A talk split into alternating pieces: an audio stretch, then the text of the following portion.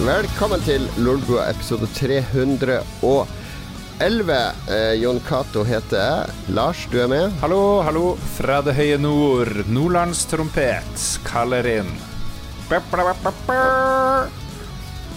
Ok, det var veldig munter eh, inngang der. Det er tydelig at du har eh, endelig fått deg litt fri fra jobb. Så glad og blid du er. Yes, sir. Nå har jeg jobba Jeg har hatt én ordentlig fridag på én måned. Litt over en måned.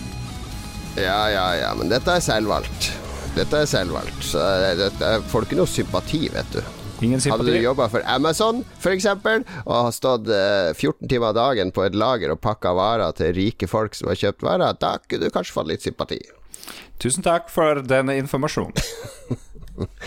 Ja, og Mats, du har ikke jobba i det hele tatt Hallo? i det siste. Nei, jeg har bare slappa av og jeg har gjort litt sånn eh, ærender for mine foreldre og kost meg med vennene mine og ja, bare Kan du gi eksempel på et sånn ærend? Hva, hva slags Ja, de, type ærend? um, foreldrene mine er ute på ei sånn øy utenfor byen, så jeg liksom på rolla? på rolla, ja, stemmer. Så jeg har, Ja. eh, jeg har skifta dekk på bilen deres, levert den på EU-kontroll, og så har jeg sluppet inn en sånn montør som har uh, satt opp noen sånne plissé-gardiner. Dette er veldig sånn der sønn-oppgave Ja, jeg føler jeg har fått innsikt i hvordan det er å være personlig assistent. Ja. Er det sånn at de stoler på deg når du har skifta dekk, eller må far din gå over og liksom Ja ja, det var ikke helt stram, den Eh, når, når, når jeg sier skifte dekk, så mener jeg selvfølgelig hente bilen på ferga, kjøre den bort på dekkhotellet, og så vente på at de bytter dekk på bilen. Altså, du som er sånn prepper og survivalist, og så kan du ikke skifte dekk på en bil engang? Ja, det er ganske dårlig. Jeg har ikke noe Har du noen skifta dekk på en bil? Uh, ja, jeg hjulpet faderen på, på en eldre bil. Dette, dette er en litt større bil, det er en uh, Pathfinder, så uh, jeg tror må, hadde, Ja. jeg måtte hatt hjelp hvis jeg skulle bytte dekk på denne, for det er ganske store dekk. Ja, ja, ja. kan du skifte dekk på bil, eh, Lars? Jeg har skifta masse dekk på min bil eh, opp gjennom årene, men jeg tenker at jo større bilene blir, jo mer slit er det. Så jeg vet ikke, Pathfinder det blir litt drøyt. Ja, det er litt monsterdekk på den. Det er kanskje litt uh, tungt, ja. Eh, nei, jeg, jeg har jo også slutta å skifte dekk på bil. Jeg bruker dekkhotell i Oslo da, så Det er jo helt genialt. Den tida er vel forbi. Men jeg skifta dekk på vår Ford Galaxy, som dere vel har sittet på et par ganger eh, Ja. ved hytteturer eller noe sånt. Eh, den var ganske svær, men eh, gikk akkurat. Jeg husker at eh, et sted jeg bytta på en sånn parkeringsplass, når jeg jekka den opp, så ble det sånne enorme hull i asfalten. Fordi bilen var så tung. Og så når jeg jekka den opp, så bare ble jekken dytta ned i asfalt. Det var kanskje litt dårlig asfalt der. Men da følte jeg meg som en mannemann når jeg hadde liksom de merkene i asfalten der, de er det jeg som har laga. Ja, når du ser Formel 1, så bytter de jo dekk på sånn her eh, to sekunder av og til. Og det er jo litt demoraliserende når du står der i en halvtime og Ja. Ja, men de har jo bare én skrue. Jeg Det er kunne den klart store det. Jeg kunne, jeg kunne klart det. De har, de har jo de har en fyr som tar bort dekket, og så er en fyr Hans eneste oppgave er bare å mose inn den der eh, luftpistolen og bare mose inn en skrue, liksom. Det må jo kunne gå an til å gjøre på to sekunder. Kom an, hvor vanskelig vet, kan det være? jeg vet ikke om jeg hadde tort å kjøre rundt lenge over lengre tid med bare én sånn eh, mutter eller skrue som holdt dekket på plass. Ja, det er ganske imponerende, egentlig. Jeg føler det er litt sånn sikkerhet i at du har flere. Ja ja, da ble det dekkbua denne gangen. Nei, vi skal snakke om uh, mer uh, spillrelaterte ting. Uh, to av tre har spilt spill siden sist. Og så skal vi ta for oss Xbox. ja. Vi har nemlig vår spalte Console Countdown, der vi skal telle ned til lanseringa av Xbox Series X og PlayStation 5 ved å gå gjennom alle de foregående konsollene som har blitt lansert i, eh, i disse franchisene. Mm. Uh, og i dag har turen kommet til Xbox, som dere skal få høre mer om senere. Kanskje, kanskje mer populært å høre om PlayStation enn Xbox, eller hva tror dere? Ja, det tror jeg kanskje. Definitivt. Jeg husker når vi har bedt om respons på Xbox-ting i, i Lolbo Entourage, vår fantastiske community, så er det jo Det er crickets, stort sett. Men jeg føler, jeg føler Xbox hadde fotfeste i, i Europa på et tidspunkt, og det var når 360 kom. Da føler jeg de var på vei inn. De hadde virkelig sin sjanse, og så mista de Ja. det kanskje med oppfølgeren. Vi skal snakke litt mer i dybden om det etterpå. Eh, først er det selvfølgelig hva vi har gjort siden sist. Uh, Lars, du kan jo begynne. Har det skjedd noe siden sist uh, i det hele tatt? Uh. Nå har du spilt kjærestekortet ditt i ganske mange episoder nå, så nå føler jeg må det være Kanskje har det skjedd litt andre ting i livet ditt nå, så du kan dele? Mm, jeg har hatt kvelds- og helgevaktordning nå den siste uka. Og det, det, jeg trodde det skulle bety mindre jobbing, fordi vanligvis så går jeg på jobb Jeg må være der klokka åtte, og så drar jeg sånn litt før fem, og så er det litt jobbing på kveldene og litt sånn random. Så tenkte jeg nå skal jeg begynne på jobb klokka to og være ferdig klokka ti. Så tenkte jeg ja, ja, da bare slappe av frem til klokka to, men det har jo ikke skjedd så ofte. Så skrev jeg om ei dame som heter Aurora hun er polyamorøs og sånne ting, og den er blitt tatt opp på Den er over hele landet nå, så jeg er representert. Hva, hva er po polyamorøs? Hva er det for noe? Da har du flere kjærester. Da er du eh, Ok, at du ja. bare ligger med flere folk? Ja, du kan jo gjøre det, da, men det, det er jo sånn åpent forhold, da. Så jeg vet ikke om dere er for eller mot det, da, men det, det engasjerer veldig mange. jeg, jeg, bryr, jeg, bryr, meg ikke om hva slags forhold folk ønsker å ha, da. Så lenge de ikke skal ha forhold til dyr eller barn, så er det så lenge, helt så lenge begge, Så lenge alle i forholdet er ok med det. Det verste er jo hvis noen ikke tør å si fra. ja, men jeg, jeg har inntrykk av at mange sånne polyamorøse forhold, så er det alltid en dame som har flere kjærester. Mm. Eller, så blir det, eller så blir det veldig religiøst. At det blir sånn der eh, eh, Disse kristne sektene der en mann kan ha flere koner. Ja. Da må det liksom være fundamentert i religion. Men hvis det er mer sånn der eh, moderne hippie-tankegang, frislipp, så er det ofte en dame som har flere bailere som hun bor med. Jeg tror du har helt rett. Det er mitt inntrykk, i hvert fall. Ja. Jeg tror det, det, tar seg veldig dårlig ut når en mann har masse kjærester, og med dame så er det bare ja, ja, de kan bare gjøre hva de vil. Så det, det, er litt urettferdig. Men ikke at jeg har lyst på masse damekjærester, det må jeg bare innrømme. Det hold, jeg er veldig fornøyd med å ha én. Det, det, høres veldig dyrt ut. ja, på film og sånn så har jo alle damene Nå tenker du veldig konservativt, Mats. Det høres dyrt ut. Damer skal være selvforsynt i dag. De skal betale sin egen andel av middagen. Jo, men jeg tenker sånn bursdagsgave og julegave sånn bare minimum, liksom, og så høres det dyrt ut. ja, hva er det med deg og bursdag julegaver? Du er ikke liksom så Du bruker å gi en julegave, det gjør du, men det er sånn veldig motvillig. Ja, jeg liker ikke Jeg syns gavepresset er, er en uting. Ja og så mm. føler jeg det alltid blir, sånn, det blir en sånn feil balanse i hvor mye tid og penger folk har brukt på gavene. Så blir man litt sånn snurt hvis noen kommer med litt sånn low effort, og så har du faktisk lagt mye tanke inn i det, så blir du litt sur når, du, når noen kommer med en kjip gave. Du har, bra, du har, funnet en bra, balanse. Du bruker, de siste årene så har det vært T-skjorte. Litt sånn ja. kule T-skjorter. Jeg syns det, det, er en grei Det er en, det er en fin sak. Lettvint. Ja. All right. Så det du har å dele, er at du bare har jobba ræva av deg siden sist. Og mm. har du funnet ut at det der med å ha sånn ansvar og sånn gjør at du, det er veldig vanskelig å slå av jobb? Ja. ja. Det er noe drit. Det er noe drit. Heldigvis er jeg ikke som toppsjefen, jeg er bare han number two. Så det, det gjør det litt jo, deilig. Du må jo stå oppe på brua og liksom se etter isfjell og sånn, sånn at ikke dere går under. Føler du, ja. føler du ikke det? Jeg, jeg føler at min jobb er å produsere og holde bra nivå på nettsida. Og så sånn businessgreier, det der er jeg litt involvert, men, men jeg kan ikke fokusere på det òg, og gjøre en bra jobb på begge feltene. Jeg kan skrive under på at han Lars er opptatt, for jeg og han Kian var innom kontoret deres i helga ja. for å hilse på, og da var han Lars opptatt i et intervju, så vi måtte bare snakke med makkeren hans, og så bare flate. Det, det, skjedde vel aldri når han jobba hos konkurrenten. Da kunne han når som helst gå ut og ta en times kaffe med hvem som helst. Og... Kanskje. bra, bra han tar det seriøst. Men er det sånn er det kvantitet foran kvalitet? Er det sånn som i min tidligere arbeidsgiver, som jeg ikke kan nevne navn på, for da blogger de om at jeg har snakka om de i en podkast. eh, at man, dere Nei, vi må ha 20 saker i døgnet. Fort, fort, få ut et eller annet, et eller annet. Fort, fort, fort. Eller er det, dere, er det viktigere å ha viktige saker som færre leser, enn eh, populistiske og grunne saker som flest mulig klikker på?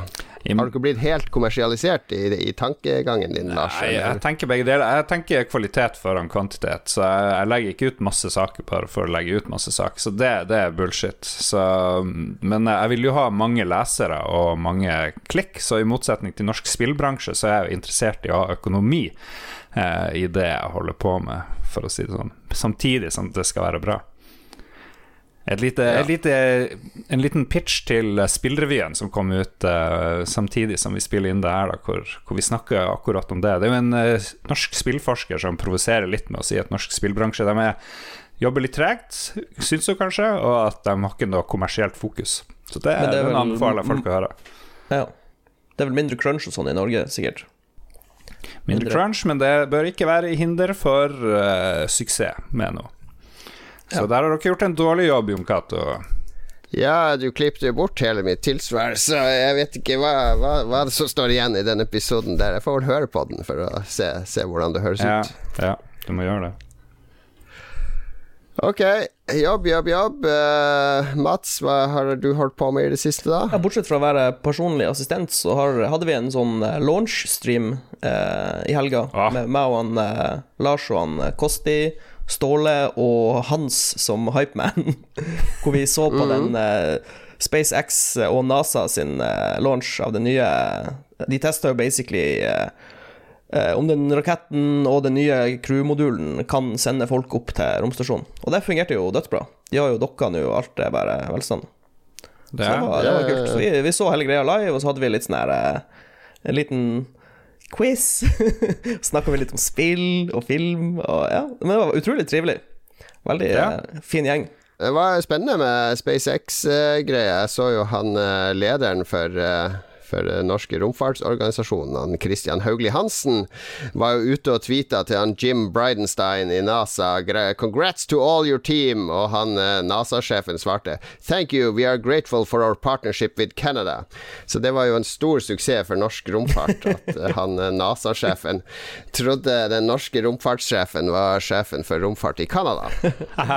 Vi har jo, eh, vi har jo litt eh, romfart på eh, her oppe i Nord-Norge. Norge er vel tredje eller fjerde største romfartsnasjon i verden når det gjelder raketter og ting vi sender opp. Mm. Ja, for vi skyter ganske mye opp fra, fra Andøya. På Space Center. Veldig mye, og eh, også satellittdata er vi kanskje den største i verden til å samle inn, for veldig mye satellittdata samles inn på Svalbard og sender over i noen sånne enorme hurtigkabellinjer videre til fastlandet og videre ut i verden. Så, så vi, er, eh, vi er en enorm romfartsnasjon, det er ikke mange som tenker på det. Ja, Jeg tipper- jeg, håper nå at, eh, at regjeringa får det her med seg og, og hiver litt penger på Andøya, fordi vi kan virkelig konkurrere med Altså å bli en, en spiller i å skyte opp satellitter, hvis bare de tør å satse litt på det. Men det her gjør jo oss et mål til russerne, gjør det ikke det? Jeg tipper Arnøya har en sånn stor rød X på ikke, kartet. ikke, kommers, ikke kommersielle satellitter. Det er ikke et militært mål i seg selv. Hvem, hvem er det egentlig verst å være mål for nå, Russland eller USA? Fordi nå ser vi jo Det jeg har gjort i det siste, at eh, hver morgen har jeg sittet og sett på videoer fra USA, og eh, opptøyer og protester og demonstrasjoner, og hvordan politiet oppfører seg, og hvordan Trump eh, ligger i fosterstilling nede i en sånn bunkers under Det hvite hus. Og så blir jeg litt sånn opprørt. Det er, det er, eh, det er voldsomme ting som skjer der borte nå. Det er som eh, rasopptøyene i Los Angeles og 60-tallet på nytt igjen, liksom. Ja. Men enda mer komplisert, med en masse russiske botter oppi det hele, og falsk informasjonsspredning via sosiale medier, og det er virkelig eh, det er en helt uh, vill lapskaus av kaos som har eh, oppstått. Et, uh, en kulminasjon av alt mulig drit som har kommet opp gjennom de siste årene, som nå uh, fører til muligens en kollaps eller et regimeskifte i USA. Jeg tror Eh, ikke det det er ganske absurd å følge med på. Jeg tror ikke det er en dårlig ting hvis de får en liten politireform, for å si det sånn. For det har jo vært et Nei, det skikkelig hadde det hadde absolutt vært lenge på sin plass. Ja. De har jo politi som bare er veldig kort tid i trening, noen steder. Noen plasser må du ha mye utdanning, men andre steder er det jo sånn her eh, par måneder, så er det som politiskolen, så er du klar. Og det er jo Ja. ikke bra. Mm. Men de her videoene hvor du ser eh, politiet bare gå borti ei dame liksom, og bare skyve henne drithardt, og så bare flyr bort henne, det er jo ikke det er jo ikke bra. Men jeg skjønner at de er under mye press når det står 1000 mennesker rundt, og folk begynner å komme litt nært, så jeg har jo litt forståelse for at de skyter litt sivile, da. Det, det Ja, du, du har, men da har du forståelse for at de skyter eh, journalister, eh, tar svarte journalister og legger jern, Nei, eh, er- skyter de med gummikule Nei, det Det er er tull, ganske Nei, det er jo ikke Ja. bra. Det er jo ikke bra. Nei. Nei, det er jo helt sjukt.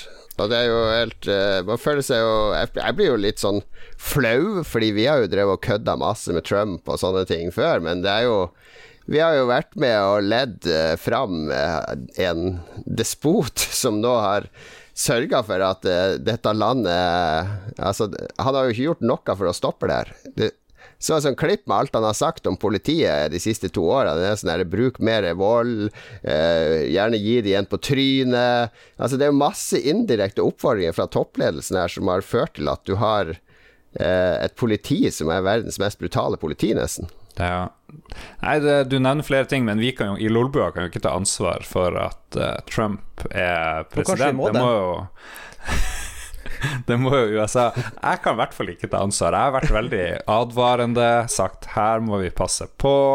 Dette må vi diskutere. Rolig, nyansert. Eh, ja, vi får gå gjennom tidligere episoder og faktasjekke den påstanden. Fakta.no kan ta på seg den oppgaven og sjekke Er det sant at Lars har advart mot Trump? Hva tror du faktisk.no konkluderer med der, Mats? Um, jeg tror han Lars blir funnet feil i den påstanden.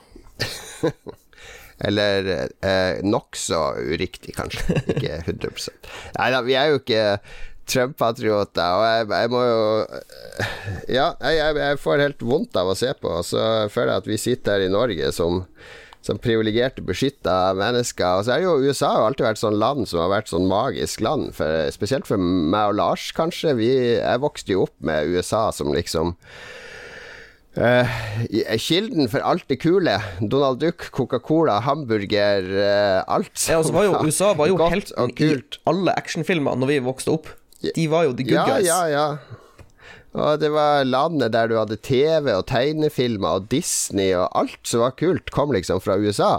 Så, så det å, å gradvis se Altså når man blir voksen, så fikk man jo et annet perspektiv på USA, men det har jo bare blitt verre og verre med årene. Jeg har jo null lyst til å besøke USA igjen.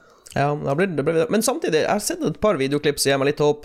Jeg så noen eh, hvor det var noen demonstrasjoner sånn, eh, hvor det gikk ganske fredelig for seg, hvor sheriffen tok av seg uh, utstyret sitt og gikk, gikk sammen med Ja, jeg, men jeg tror de aller fleste demonstrasjonene er veldig fredelige. Ja. Og så har du media oppi det her, da, som, som De er jo mest interessert i branner og folk som knuser ting, og så blir det har du norske medier som er, elsker å gjengi alt som amerikansk media gjengir, og så blir det Det er, det er en lapskaus av ting. Jeg syns det er vanskelig, men eh, vi kan vel konkludere med at vi vi støtter de undertrykte i USA, og vi er imot enhver form for fascisme eller nazisme. Eller uh, miljøfornektelse, kan vi jo slenge inn i her. Altså, slutt å la idiotene uh, bestemme. Nå må folket ta makta tilbake.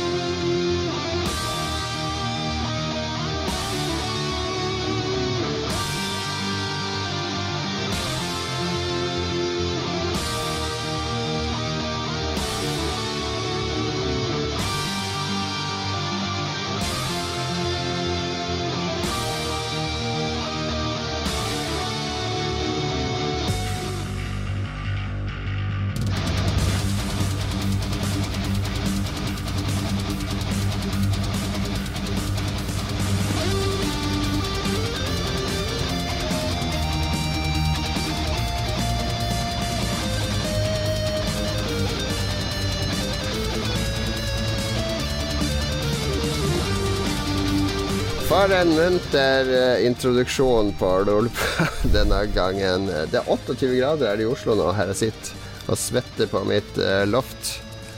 Det er ganske varmt her. Det er over 20 grader nå, men det er liksom kald vind, så det, det, du får liksom ikke maks effekt her i Harstad, dessverre. Nei, nei, sommervarmen kommer nok senere der. Men uh, varme, sol, uansett. Uh, man må jo spille spill i Lolbua. Det er et av kriteriene for å være i denne redaksjonen, er at man kan dele ferske spilleopplevelser. Det har du tatt uh, til deg denne gangen. Mats, Ja. du fikk en anbefaling her fra en, en seer, var det vel, på vår GTA Heist-stream, som snakka om Monster Train, et spill. Ja, det stemmer. Eh, han nevnte vel også Slay the Spire i samme sleng for å liksom eh, selge meg inn Eller selge oss inn på spillet. Så jeg gikk Ja, eh, han sa at det var litt Slay the Spire-inspirert, og Slay the Spire var dette Early Access-spillet der du bygger en kortstokk med powers mens du klatrer gjennom en dungeon og slåss mot bosser og sånne ting. Yep. Og de, de har uten tvil henta inspirasjonen her. Eh, men de har Mhm. liksom De har skrudd alt opp litt til 11. Eh, så spillet handler kort sagt om at himmelen har tolv over helvete, helvete er frosset over. Du styrer et tog med den siste gedisten til helvete. Så skal du rase gjennom alle lagene i helvete og, og fyre opp igjen. Det er liksom ja. låren bak spillet, da. Uh, og Skal make eh, helvete great again, er det det som er liksom slagordet? Ja. Uh, og så har de lagd et ganske kult system. uh, hvor du i Slade Spire så velger du en, en klasse som eh, påvirker spillestilen din. Og her har de gjort, lagd Ja. et, et, et sånn eh, to, toersystem hvor du har en hovedklan og en alliert klan. Så du får kort basert på de to klanene dine, og artifacts. Så du, du, du, har opp, du, du kan velge mellom fem klaner, men eh, det er bare to klaner som er låst opp når du begynner spillet, og så låser du opp klanene bare ved å spille spillet. Så du har fem til slutt du kan velge mellom. Eh, og så har de lagd eh, et ganske kult system, fordi i stedet I stedet for bare å ha et, et, eh, spillebrett, så har du eh, Du er på toget, eh, og øverst på toget så må du beskytte The Pyre, som er den siste flammen til helvete. Og så Ja. starter du alltid med at du har tre etasjer i toget, og så har du den øvre etasjen hvor Pyre er. Og du må forsvare alle tre etasjene i toget, fordi monstrene kommer alltid inn nederst i første etasje, og så etter en runde så beveger de seg opp. Det finnes unntak til denne regelen, selvfølgelig, men i, i hovedsak Ja, ja, ja. så starter de nederst, og så beveger de seg opp. Så, du, så det blir nesten litt sånn tower defense over det, fordi du må forsvare første, andre og tredje etasje.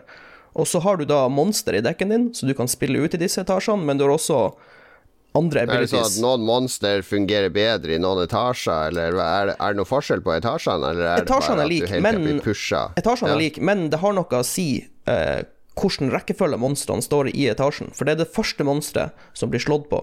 Med mindre du har Ja. abilities som gjør at du angriper alle, eller flytter på dem. Så kan Eller. du f.eks. Free, freeze et monster i en etasje, sånn at de andre rykker opp, Du kan, du, du, kan, du kan sette dem igjen, du kan kaste dem ned, du kan flytte dem opp. Det, du kan, det er sinnssykt Ja, ja, eh, hvor du kan påvirke det her eh, kampslagmarka. Da. Men de, har, hmm. de har lagd et veldig kult system. Eh, og så har de, eh, når det gjelder deckbuilding, så har de Det er plass til så mye synergier, så du kan lage sånn eh, Du blir jo kraftigere og kraftigere jo lenger ned du kommer mot uh, siste bossen. Eh, og de har, de har lagd så mange kule synergier, for du kan, du kan ødelegge spillet helt hvis du klarer å Men det er det som er litt morsomt, for det er litt tilfeldig. Fordi når du, når du eh, baserer deg eh, videre nedover, så, så må du alltid velge mellom to spor.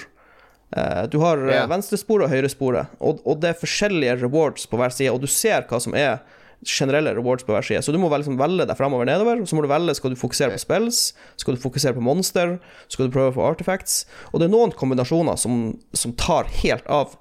Eh, som gjør det utrolig Ja. morsomt for meg, i hvert fall. For jeg syns det er litt morsomt å ødelegge sånne spill, sånn at du bare På et tidspunkt så tenker du bare Nå er jeg Ja, du spiller systemet, ikke, ikke tematikken. Du, du, er, du ser forbi eh, Mm. Ja, ja, overflata sånn og spiller systemet. Toget og helvete og sånn, det er ikke så interessant, men systemet som ligger i bakgrunnen, er utrolig bra lagd, syns jeg. Jeg ser på deg Ja. tog, jeg ser på en video, og det har det noe å si at du er på et tog, eller er det bare Nei, det har ingenting å si.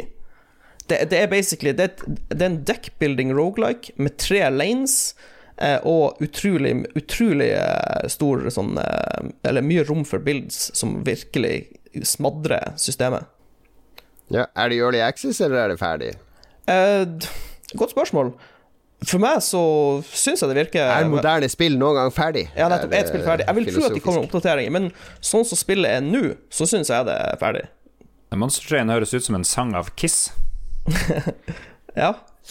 On a monster train Rolling down to hell Men jeg, skulle, eh, for å, jeg kan jo bare få testamentere. Jeg skulle bare teste det i går.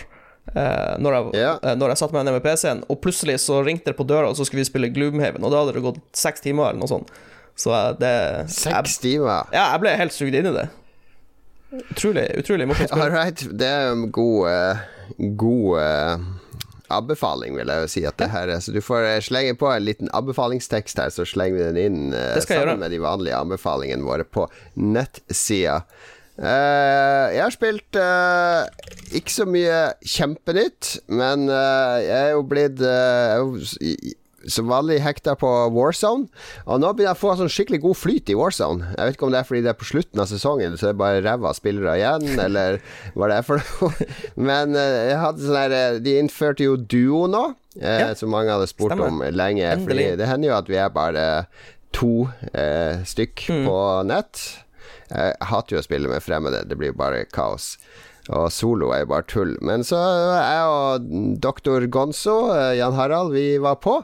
Ja, jeg får teste duo, da. Og så bare Herregud, for en runde. Jeg tror vi hadde 16-17 kills eh, til sammen. Nice. Vi bare kjørte over alt som kom. Og det var What? det er liksom Det er litt enklere å møte to. For føler jeg kan, føler at jeg alltid kan ta de to hvis jeg får overraskelse på dem. Ja. Få han ene ned fort, ikke sant? Ja, nettopp. to eh, mens når du møter tre eller fire, så er det liksom Ok, da må vi være helt koordinert teamet, Fordi hvis én begynner å skyte på de eh, Ja, det kan gå det òg, da, hvis de andre følger etter og rusher fort, men, Ja, men eh, jeg føler at hvis det, det Altså, i, Ja. i duos, hvis, hvis det starter med at du tar han ene, så er det jo automatisk én Ja. mot én. Da, da har du en supergod sjanse, vil jeg si.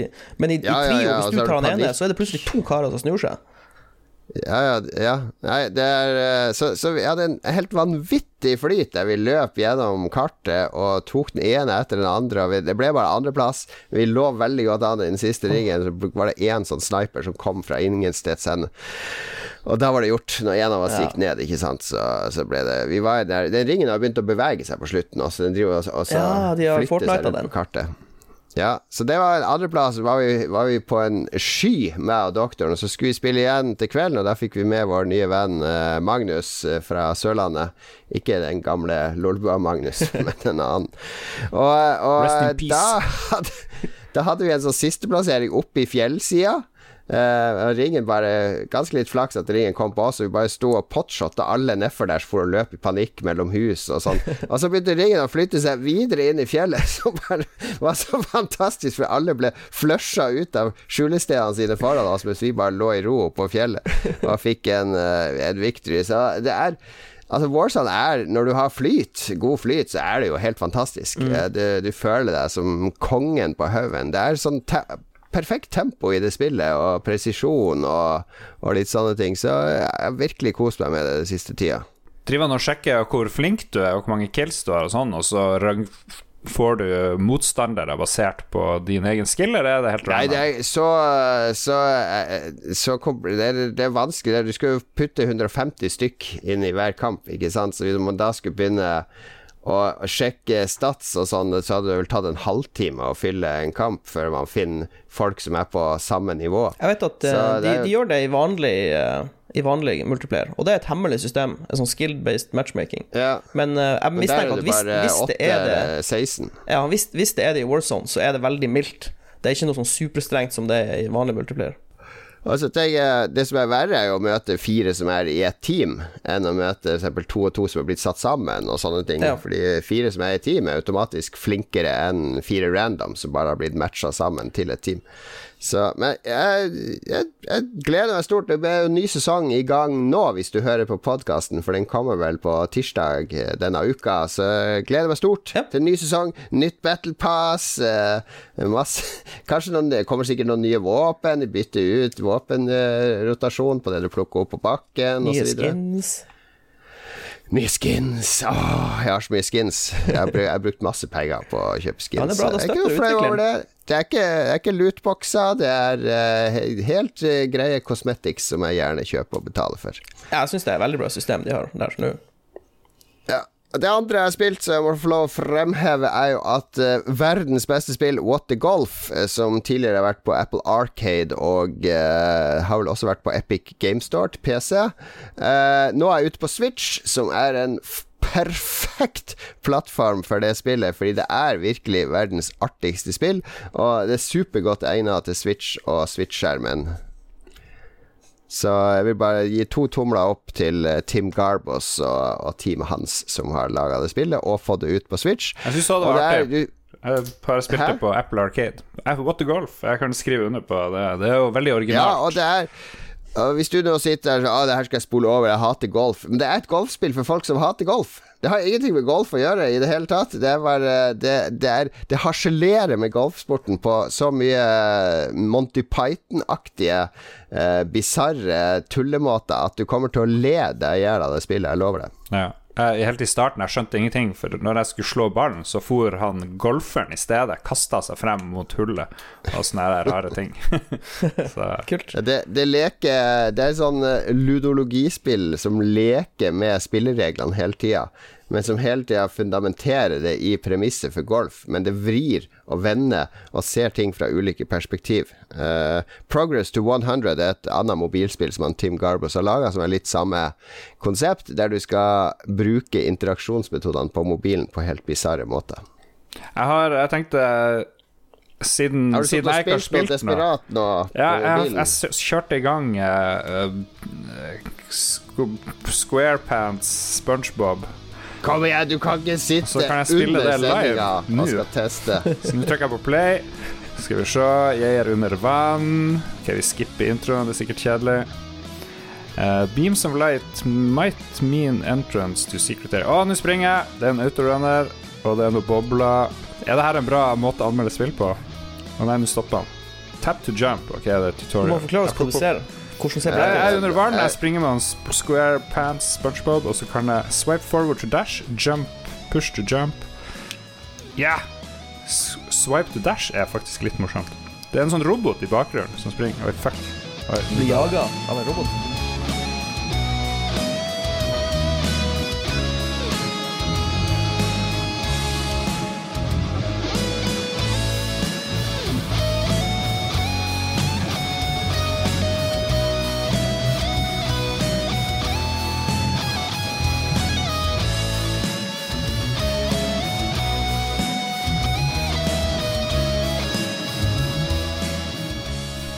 All right. Uh, du vet, Lars, vi har snakka om det her. Hva skal straffa di være når du ikke har spilt noe siden sist? Så nå uh, skal vi spørre på Lolbo Entourage denne uka hva skal Lars spille til neste gang. Og da må du spille det første forslaget som kommer inn. Å nei.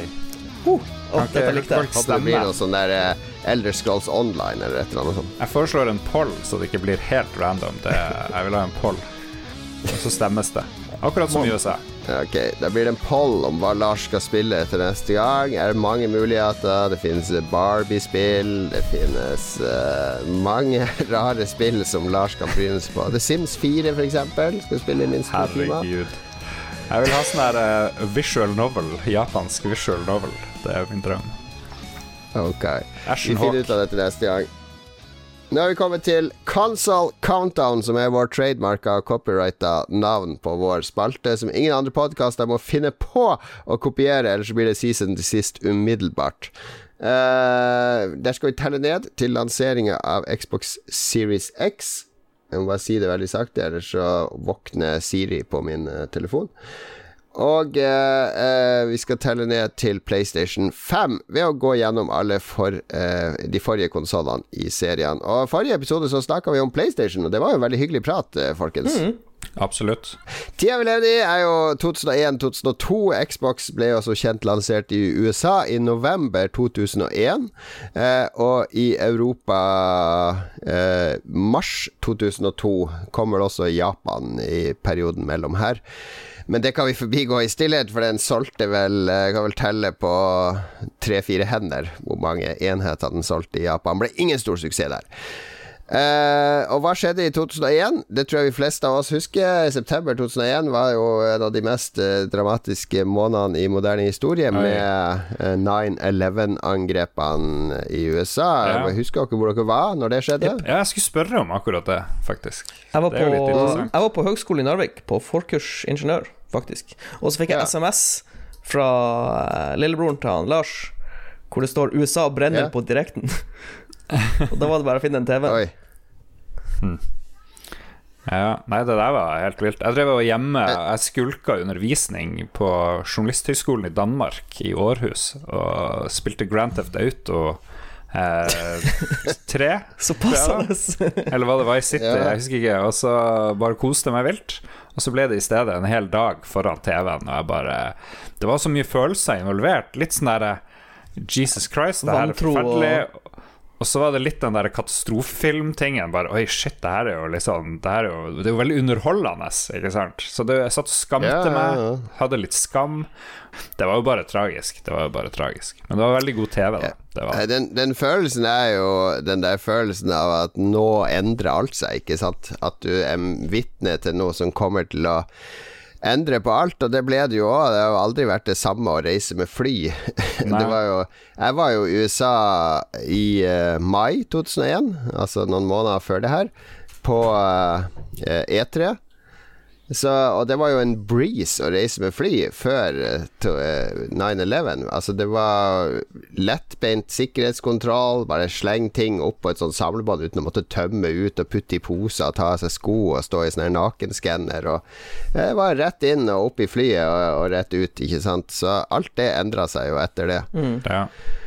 Men Men jeg var på jobb når det skjedde på Aks Jeg jobba på Akersmik, så jeg satt i kassa på Akersmik, og så kom det en fra en annen avdeling og sa jeg måtte gå på Nettavisen. Vi hadde jo nett på de datamaskinene vi jobba på, og da ble resten av arbeidsdagen satt vi bare og, og refresha VG og CNN og alle nyhetskilder. og, eh, Det var en ganske absurd dag. Ja. Men jeg husker det var jo akkurat som etter uh, Utøya sånn, så var det jo mye kjærlighet, og alle skulle støtte hverandre og sånn.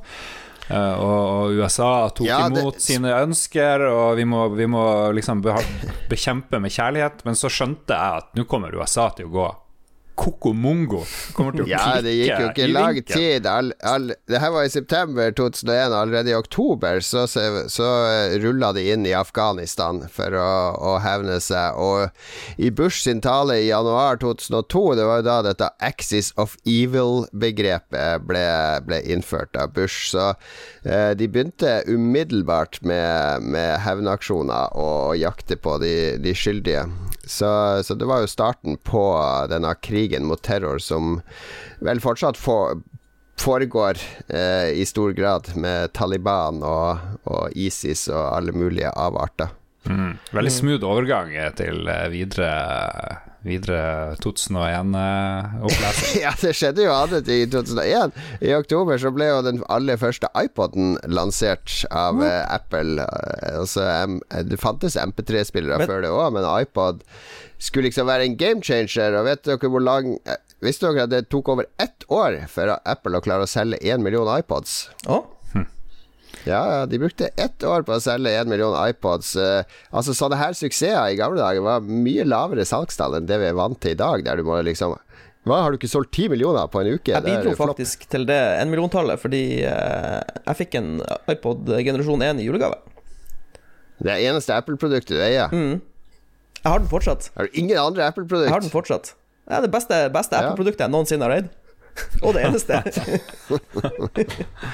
jeg husker det som var så bra med okay. iPod 1, var at jeg kunne koble den til PC-en, en Windows-PC, og bare legge musikkfilen rett inn som en, som en harddisk. Og så var det bare å snurre og scrolle, og det var helt magisk. Ingen iTunes. Ja. Nei, det var jo en forsmak på uh, hvordan Apple skulle bransje ut i den retninga, med bærbar elektronikk, eh, og da til slutt selvfølgelig iPhone, som skulle bli en megasuksess uh, syv år senere. Seks år senere. Windows XP kommer også høsten 2001. Da jubla ingeniørstudenten Mats Yes, yes, XP! Veldig, veldig bra Windows. Jeg hører det ikke. Var det bedre enn Windows 7? Eh, jeg syns Windows XP og Windows 2000 sannsynligvis er en av de beste Windows-versjonene som har vært, for den var så lett, Ja. lettbeint. Eh, Alle er jo enige i at Windows 8 er en av de verste. Og Vista. Og, Vista, Og Millennium ja. Edition. For det var liksom annethvert år. Annenhver Ja. utgave var liksom ræva, og så var det bra. Akkurat som eh, Star Trek The Original Series Season 2, der er annenhver episode bra og ræva. Ja, ok, ja. Det er sikkert en konspirasjonsteori rundt det der et eller annet sted. Da så er det vel Kofi Annan og FN som vinner fredsprisen eh, passende nok. Det husker jeg godt, at han Kofi vant. Coffee Man. Ja. Ja, ja, Ja. ja. Nei, Jeg liker best når det er utlendinger eller folk gjerne annen hudfarge som er FN-sjef, for da blir det litt seriøst. Hvis det er en sånn nordmann, så er det bare ja, ja. Er Jens Stoltenberg er sjef for Nato og sånn her. Det- Da tar man det ikke seriøst, egentlig. Tar du ikke Stoltenberg seriøst som sjef? Hva med Gro Harlem Brundtland som World Health Organization? Ja, hun hadde jo pondus, eh, bokstavelig talt, så hun stolte vi på. Ja. Hva er galt med nordmenn i utlandet? Har du, er du sånn, eh, hater du eh, ditt eget folk? Uh, ja, det er litt sånn som ditt forhold til Nord-Norge. Du liksom hater alltid Nord-Norge. Jeg hater generelt hele Norge. blir Nei, jeg litt- gjør ikke det. jeg blir litt flau når nordmenn i sånn utlandet har ikke troverdighet. Det er mer Nei, men jeg, det, jeg blir litt flau når de har sånn supertjukk aksent. At de ikke kan snakke engelsk skikkelig. Det syns jeg de burde gjøre. Hvis du er en internasjonal politiker, kom igjen. Snakk Ja, ja. engelsk Jeg føler det her er litt sånn uh, janteloven som skinner gjennom her. At jeg skal ikke tro du er noe oppi FN og oppi Nato der, og ja ja, vi vet hvor du kommer fra, Age of Empires og røkte hasj når du var ung, Jens. Må ikke komme her og tro at du skal styre alle hærene i, i verden. Men hva du syns om Kofi Annan-aksent og sånt? Han snakker jo ikke Queens English, Mats. Er det greit? Men han, han, han, han får free pass. Ja, nettopp. Hva er det her? Det er jo vill Ja, men det, det, blir, det, forskjellsbehandling. blir lettere for eh, en nordmann å lære seg engelsk En sånn enn en person som har et språk racism. som er radikalt annerledes. Fordi norsk har samme røtter som engelsk, så det, det er lett for oss å lære oss engelsk, og vi burde snakke det bra når vi lærer oss det.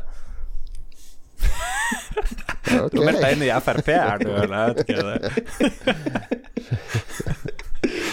Ok.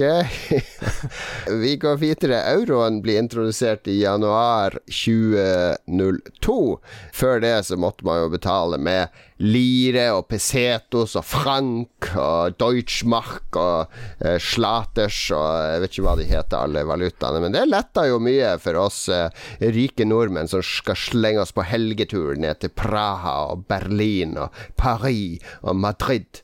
Eh, veldig lett, eh, selv om vi står utenfor EU, var det mye lettere å forholde seg til én valuta. Kan du ramse opp alle landene du kan i Europa? Det hadde vært litt morsomt. å Og, og Ja, uttale er dem originalt, sånn som de uttaler dem sjøl.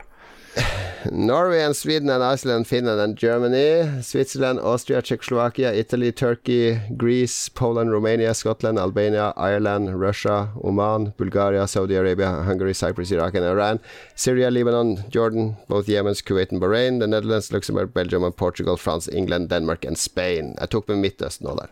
Ja. Nei, men bra. Nice. Nations of the World, Animaniacs, var det satt og pugga jeg, tok trikk og, trikk og T-bane i Oslo på vei til Blindern. Så satt jeg og pugga Nations of the World med Animaniacs. Marcus og Martinus blir født i februar 2002, hvis du trenger å føle deg litt gammel. Da. Når begynner de på drugs, eller har de begynt allerede? De begynte i mars 2003. Begynte de med Nei da. Jeg vet ikke. De eh, Jeg vet ikke hva de holder på med nå. Kanskje de Jeg føler alle sånne barnestjerner som er skikkelig svære, de må rebrande seg litt når de skal ta steg over i voksenlivet. Altså, de skal prøve å beholde en del av fanskaren fra de var barnestjerner.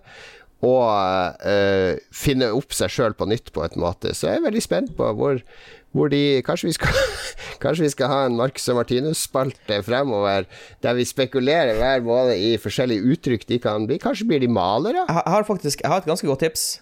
Eh, De kan, Ja. de, de kan se på hva Justin Bieber gjorde, og så gjøre det totalt motsatte av det han har gjort. Skal vi dra til filmens verden? I, Ja, gjør det, hva skjedde. Hva skjedde i filmens verden i 2001-2002? ja, det var ganske mye bra, faktisk. Eh, Vi kan starte med A Beautiful Mind, med han Russell Crowe, hvor han spiller den der matematikeren. Nei, Russell sånn Crowe autistiske matematiker. Russell Crowe går igjen, føler jeg. Ja, men han er litt sånn provoserende. Er han, er han en bra skuespiller? Han står jo bare og skuler. og er Han er jo, sånn han er jo flink, Lars. Ja, flink til å være. Han er jo den samme fyren i alle filmene, føler jeg. Bare litt sånn han er jo ikke- mer han er eller ikke- mindre I, i, tilbakestående. I Gladiator er han ikke samme fyren som han er i Beautiful Mind. I Beautiful Mind så er han jo autistisk eh, matematiker. Han er jo ja, men liksom han er autist i Gladiator òg. Han er litt sånn Nå bare provoserer du, Lars, for du snakka jo nettopp om den der Tough Guys, eller hva det heter, den der filmen der Russell Crowe er en litt sånn hardbarka detektiv, sånn der nådeløs, og der, den, den, der er han ikke sånn tilbakestående i det hele tatt. Jo, men han er litt tilbakestående der òg. Han er litt dum og litt sånn. Det er, han er litt dum i ulik grad. Ja, vi går videre.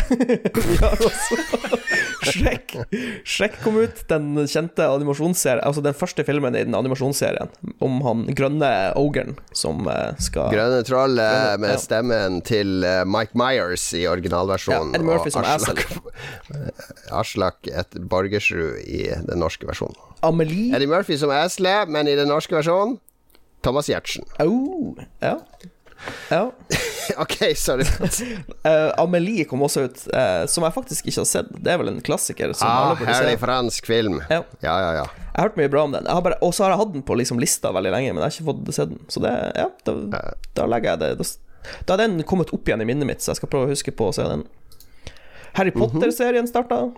Har vi noe forhold til Yes, det? første Harry Potter-film, og første i en annen fantasy-serie òg. Ja, den, den fenga litt mer for meg. Ringene, første Ringenes herre-filmen kom jo også i 2001. Åh, den første var så bra. Husker du vi var på førpremiere eller noe på Colosseum? Jeg tror Mats Nei, Jeg var på- jeg så det Cato. Ja, og det er Lars som var der, og du Jeg husker du var så negativ. Du var så negativ. Kom igjen. «Ja, Det blir sikkert noe drit! Noe drit! Og så satt du og lå Du lo sånn nervøst på introen når hun, eh, hun uh, alvedronninga kommer med den voice og så Å, herregud ah». du var, Fordi du var så redd for at det skulle være ræva, at du i hodet ditt gjorde det så ræva som mulig på forhånd. Det er litt sånn trekk med bra, det der, kanskje, Lars. Ja, men er det ikke bra å ha lave forventninger, Jo, så er du positivt overraska? Ja, men du var litt sånn hysterisk lav. forventninger. Du var helt på tuppa da du gikk inn der. Så bra.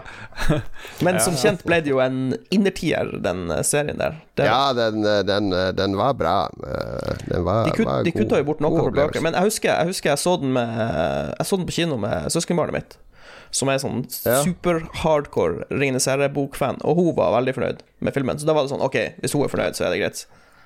De kutta jo bare bort det sånn Tom Bombadil og sånn der Sånn totalt weird, unødvendig weird tull. stuff. Ja.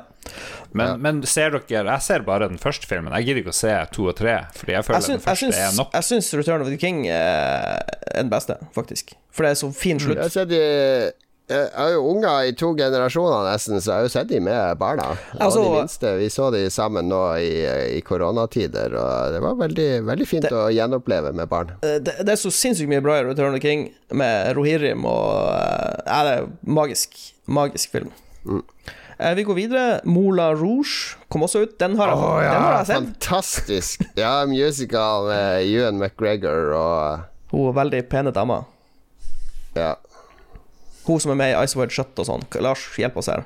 Nic- Nicole, Nicole Kidman. Kidman. Ja, det var Det var en, eh, ja. Før ja, hun bare- ble ødelagt Hun drev jo og opererte seg sjøl i øst og vest, så jeg vet ikke hva som skjedde. Først er Russell Crowe og så Nicole Kidman Alt. Alle skuespillere er liksom eh, ødelagt eller idioter eller eh, Ja. Det er mange folk jeg ikke liker Black Hawk Down òg, bare så dere vet. Eh, ja, Ja. Black Hawk Down kom også ut. Eh, filmen om eh, USA sin operasjon i Mogadishu, som gikk litt sideveis. Det er jo en veldig kul film, da. Det er jo Ridley Scott, er det ikke det? Det er jo sykt nice. Sinnssykt bra actionfilm. Og så er det, det er, Hvis du ser på de som er med i filmen, så er det mange folk som har blitt kjent i ettertid. Sånn han uh, Nicolai Coster Waldo var jo med, og han var jo en totalt ukjent fyr eh, når filmen ble spilt inn. Men nå kjenner vi jo han alle som Jamie fra Game of Thrones. Riktig. Black Hawk Down Det eneste jeg husker, er ikke bare en halv time med sånne folk med turban og skaut som kommer løpende inn og blir skutt, sånn fra siden mens de roper ala, ala, ala. Ja, det er jo husker, det, var bare så, det er bare som en klisjé av disse eh, eh, islamistiske eh, våpenfolk som kommer løpende inn og ut og opp og ned og blir skutt ned fra alle vinkler.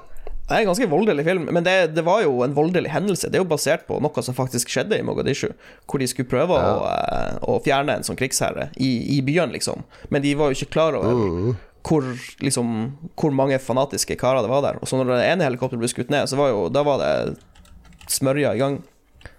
Ja, Dessverre så er Ewan McGregor med her òg. Han prøver jo å ødelegge alle filmer. Tom, Tom. Hardy, Tom Hardy er også med. Han var også ukjent når filmen ble spilt inn. Så det er liksom Det er mange folk som, som var med i Black Hawk Down, og så mange år senere ble de liksom kjent. Ewan McGregor, er det noe galt med han òg nå?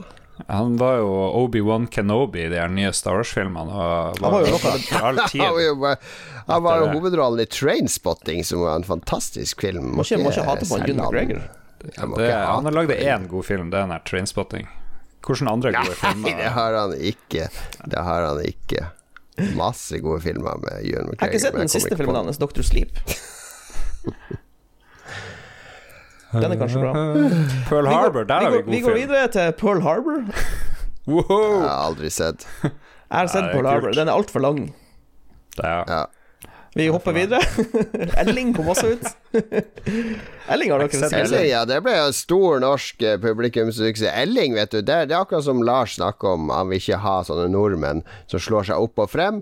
Nordmenn, eh, mener Lars kanskje, de Elling, det er sånn bra nordmenn. Litt sånn særing, med litt sånn sære vaner, som likevel klarer seg ganske greit. Jeg er snill på bunn. jeg liker ikke Elling. Nei. Gjør du ikke det? Nei Den- Jeg har ikke Elling er sett jo den, en veldig det- Det er jo en utrolig trivelig film, da. Det kan Han er veldig hyggelig, han skuespilleren som spiller han Elling. Han er veldig koselig, men uh, han er veldig slitsom. Sånn på film og TV-serie. Og bare skal fære og gnage litt. og gnage hele tida. Litt oppegget i ting. Ja. Ja. Jeg har bare sett den første filmen. Det er liksom det, er- det er det eneste forholdet jeg har til Elling. Jeg har ikke sett noe av det andre, så jeg er kanskje litt eh, Elling og Bjarne. Jeg tror det kommer, det kommer en ny Elling-bok nå av Ingvar Ambjørnsen, faktisk. Så han er fortsatt relevant. Jeg så den fikk gode omtaler. Ja. Er det sånn med bøker som med film, at hvis du har litt sånn folk med handikap, så blir det bra uansett om det fortjener det eller ikke? Ja, vi må støtte de her eh, Elling og sånn her. Du har en sånn fyr i rullestol, så er det bra med en gang, liksom. Ja, det er jo det. Da får du jo Oscar. Det er jo en sånn regel. Ja. Det, du er inne Ja. på noe der. Apropos er handikap, eh, Bridget ja. Jones kom også ut uh, i denne tidsperioden. Det er jo Norges venn René Selveger. Lars, fortell hva som er galt med henne. Hun har òg endra totalt utseende. Ser jo ikke, det er jo umulig å kjenne henne igjen. Så hun har tatt en sånn her uh, Men er hun noe i søkelyset nå? Er ikke hun liksom borte nå?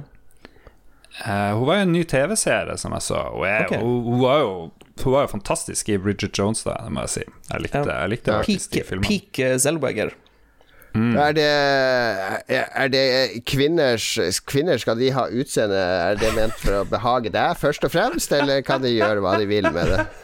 Vet, det høres veldig overfladisk ut, men det er en veldig fundert tanke og relevant eh, synspunkt jeg kommer med. Men det tar for lang tid å, å fortelle om. Analysere utseendet deres. Ja, jeg trekker alt tilbake. Jeg trekker alt tilbake det med utseendet. Liker Men jeg holder fast fast på Crowe, Russell? Crowe. Nei, så langt går jeg ikke.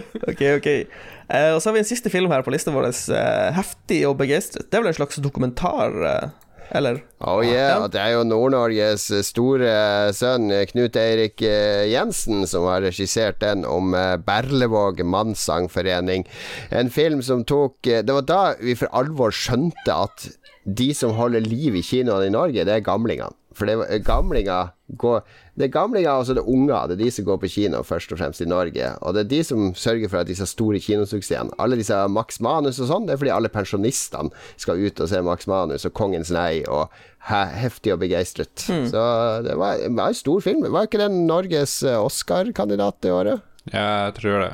Det han Regissøren han ble jo evakuert til Harstad. Han var jo her i sin barndom, eh, under krigen til og med. Ja, ja, ja. Så han har tett forhold til Trondenes der. Og Å, min Han er mann. opprinnelig fra, fra Honningsvåg. Han lagde jo Stella Polaris.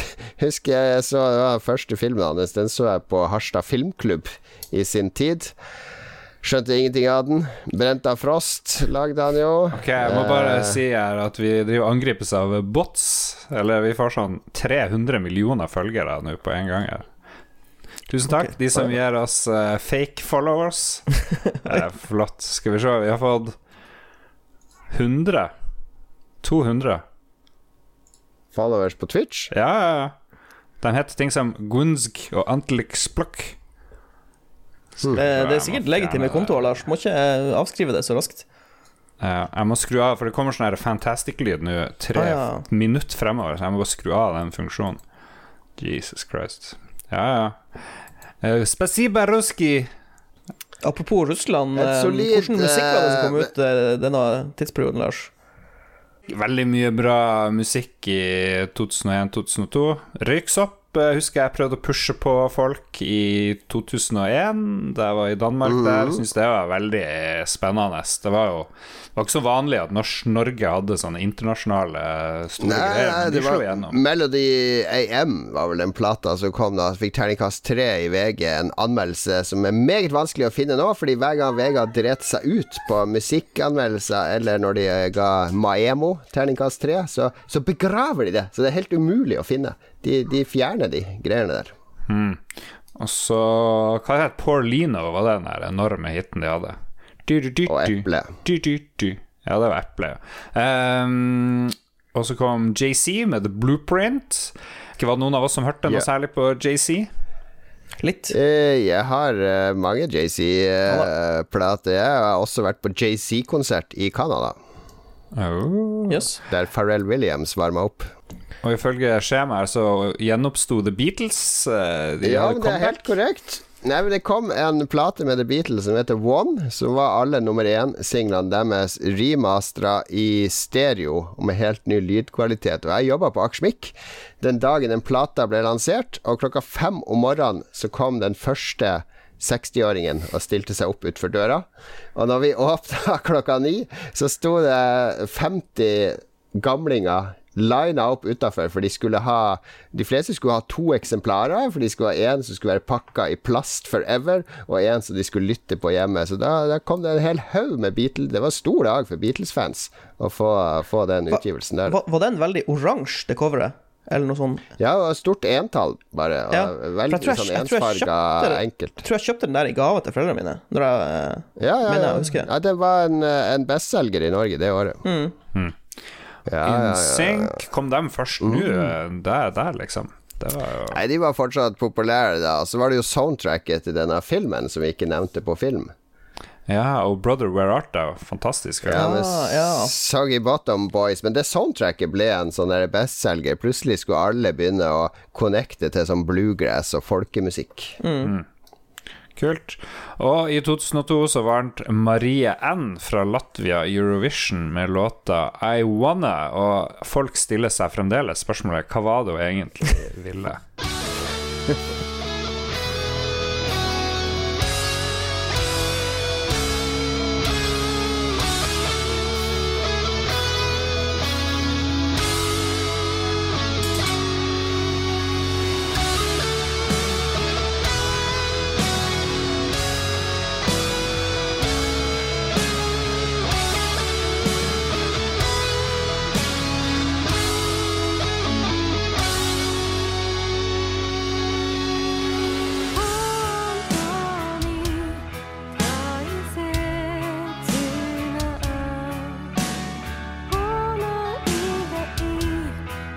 Ok, da har vi lagt premisset. Da har vi tatt tidsmaskinen tilbake.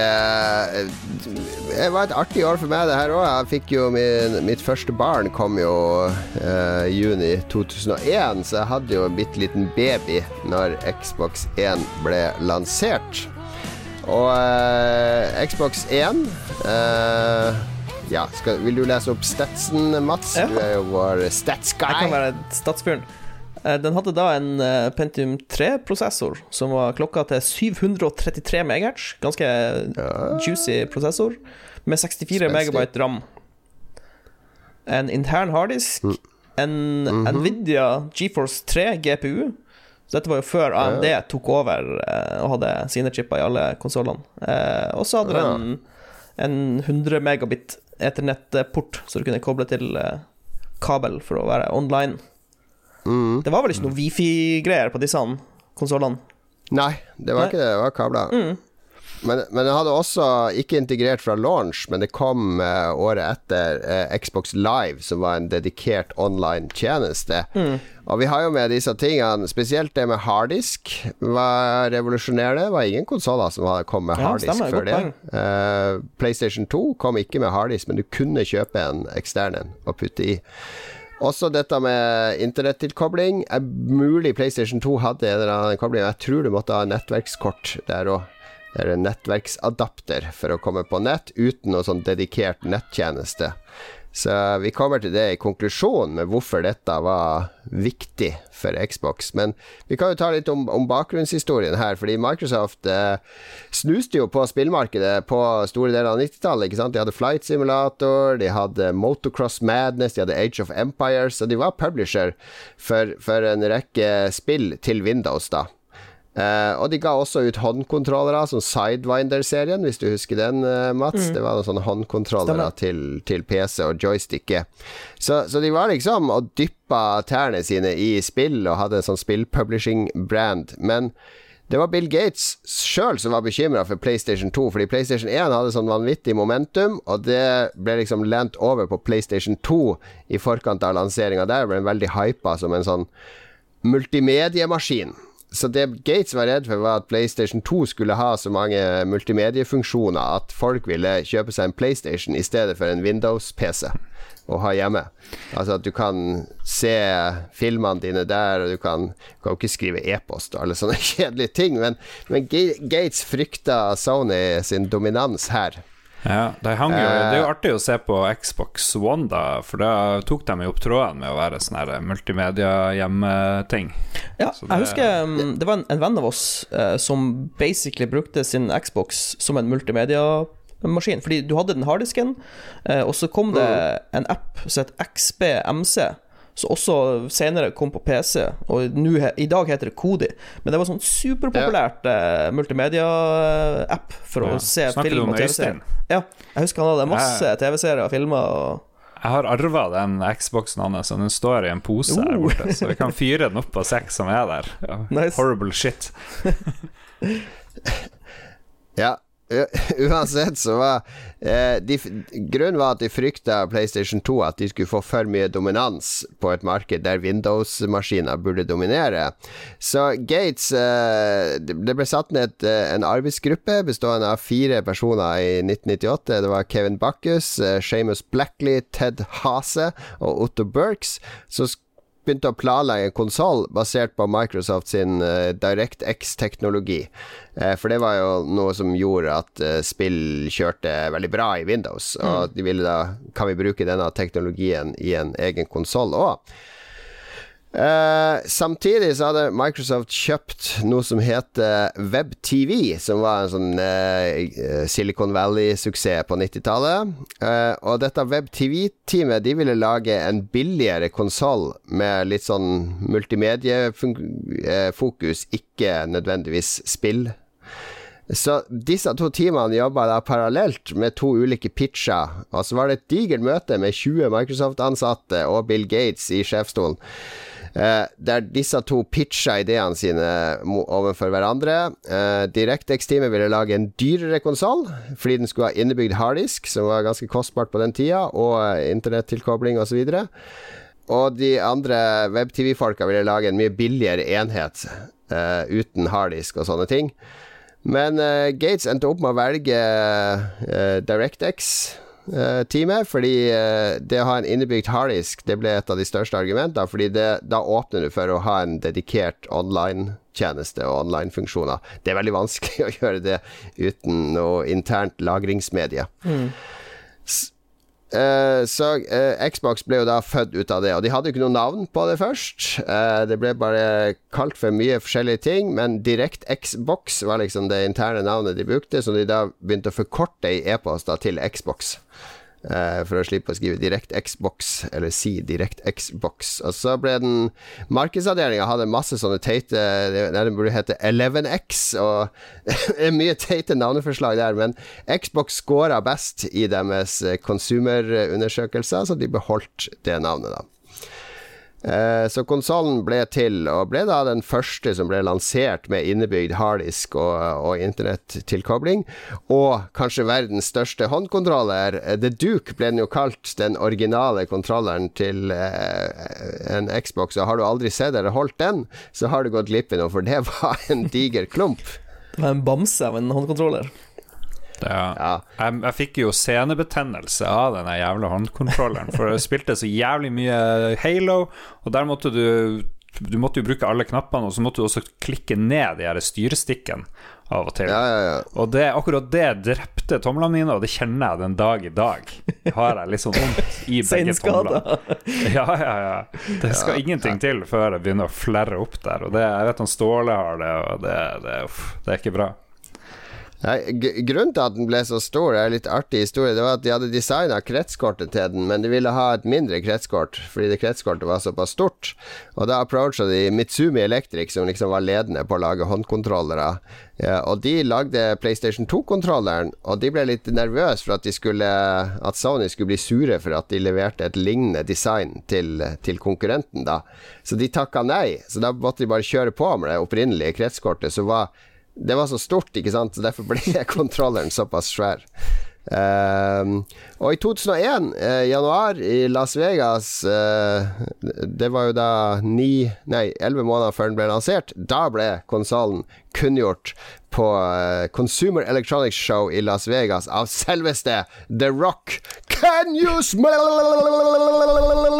what Bill Gates is cooking? Jeg har, en, jeg har en teori om at de brukte The Rock eh, sånn at håndkontrollen ikke skulle se så stor ut. For når han står og holder den, så ser det ut som en vanlig kontroller. Jeg tror det stemmer. Ja. Så hva oppnådde Xbox da, sånn historisk sett? Eh, fordi Sega hadde jo kasta en håndkle nå, basically, med Dreamcast. Dreamcast var en svanesang fra lansering til slutt, selv om det var absolutt en dugelig konsoll. Eh, så Sony lå jo an til å få total markedsdominans. Nintendo var liksom relegert til å være en sånn sær japansk eh, eh, produsent av sine egne små titler. PlayStation hadde eh, lå an til å få verdensdominans. Og så kommer Microsoft inn, skaper konkurranse, og, men de, de etablerte mye som de kanskje ikke har fått eh, kreditt for. Det heter ikke det på norsk. Kred? Kred. Som de ikke har fått ordentlig kred for. For jeg, jeg synes mange avfeier liksom Å, Xbox det var bare Microsoft som skulle lansere sånn Windows-spill i markedet, eller det var liksom PlayStation som har skapt alle nyvinningene. Men det er ikke det. Fordi med Xbox så forsto man at harddisk var essensielt i en moderne konsoll. Altså Den harddisken i Xbox gjorde ting lettere både for utviklere og spillere når det gjaldt lagring og ikke minst online-funksjoner. Det, det var veldig vanskelig for oss som hadde både Xbox og PlayStation å spille online-spill på PlayStation etterpå, fordi det var så mye mer knotete, mens harddisken og Xbox Live-en i Xbox gjorde det så brukervennlig. Eh, og det var nett, nett oppkobling av nettjenester. Det skjønte Microsoft at dette må vi satse på. Og Sony var det, så langt etter her. Husker du noen online-spill på PlayStation 2? Det var liksom Socom, Navy Seals og andre ting. Ja. Det var, var ingen integrert sånn voicecom, så man måtte bruke proprietære headset og ting og tang. Men japanere ingen- kan internett veldig dårlig generelt. Det Ja, det, det viser jo Ja, de kan det. Ja. Ja. Det er helt grusomt. Jeg tror ikke de har internett i, i Japan, faktisk. Nei, nei.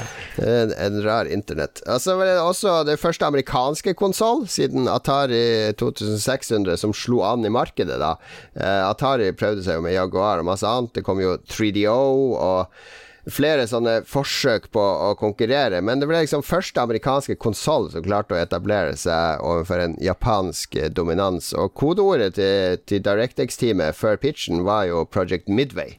Altså Midway, dette Oh, store slaget slaget der amerikanerne eh, slo japanerne, ikke sant? Du glemmer, du glemmer Atari Lynx når du sier at det ikke fantes noen amerikanske konsoller som slo an. Ja, Amiga CD32. Oh. La oss ikke nevne Altså, det. Ja, det siste, og kanskje aller viktigste, er jo at uh, Xboxen var jo basert rundt en arkitektur som ligna på vanlige vanlig Windows-PC. Altså med både uh, hvordan uh, elektronikken var satt sammen, og operativsystem og sånn, hadde mye til felles med DirectX og Windows. Så det var relativt enkelt å porte Windows-spill over til Xbox.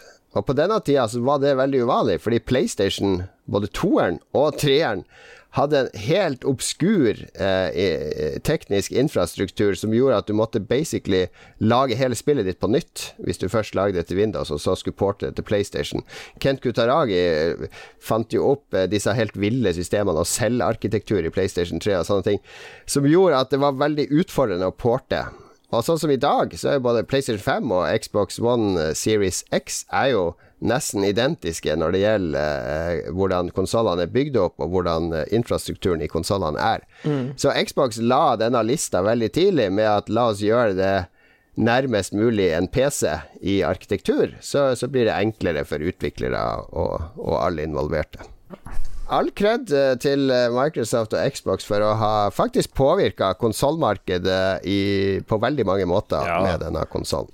Uten Microsoft og suksessen til spesielt Xbox 360, så hadde jo ikke PlayStation skjerpa seg.